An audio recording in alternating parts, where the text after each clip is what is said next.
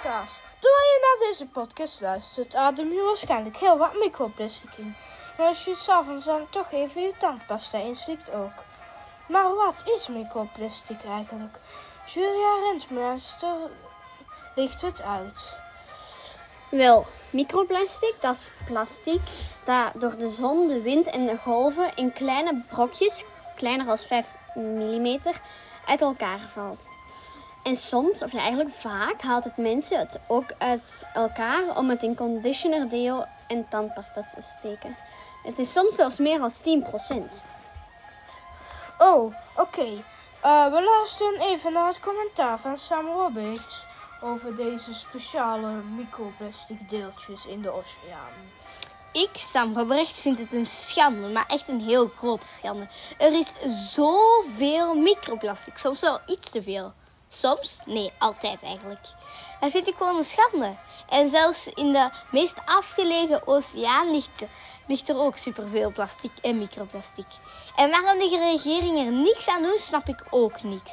Dagelijks zie ik plastic en soms zelfs microplastic. Ze veranderen er niks aan, wat ik helemaal niet leuk vind. En het dringt misschien niet tot jullie door, maar bij mij wel dat het lijkt alsof de regering er niks aan doet, terwijl wij er heel veel aan doen. Dus dat wij eigenlijk slimmer worden dan de regering, omdat die er niks aan doen. Wat ook niet echt logisch is. En ik wil later ook niet aan mijn eigen kinderen gaan uitleggen wat dat ze moeten doen, hè? want dat is niet zo heel hard nodig. Maar wat moeten we dan doen? Ik zou zeggen, wachten tot de aliens komen, maar dat klinkt een beetje onnozel, ook al zeg ik het zelf.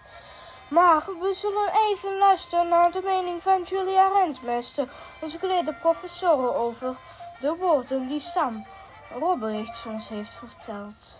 Wel, mijn um, mening is dat we de wereld nog wel kunnen redden, maar dat we dan echt grote organisaties gaan moeten starten om de zee proper te krijgen en zoveel mogelijk plastic en microplastic te, te vermijden. Um, met heel, heel, heel veel moeite gaat het ons misschien nog wel lukken. Maar echt wel super veel moeite. Oké, okay, dat was het dan voor, weer voor vandaag. Luister maar naar de muziek waar we heel veel moeite in hebben gestoken om die erbij te plakken. Bye. Bye bye. Doen ze stijlen niet, dat was mijn grapje.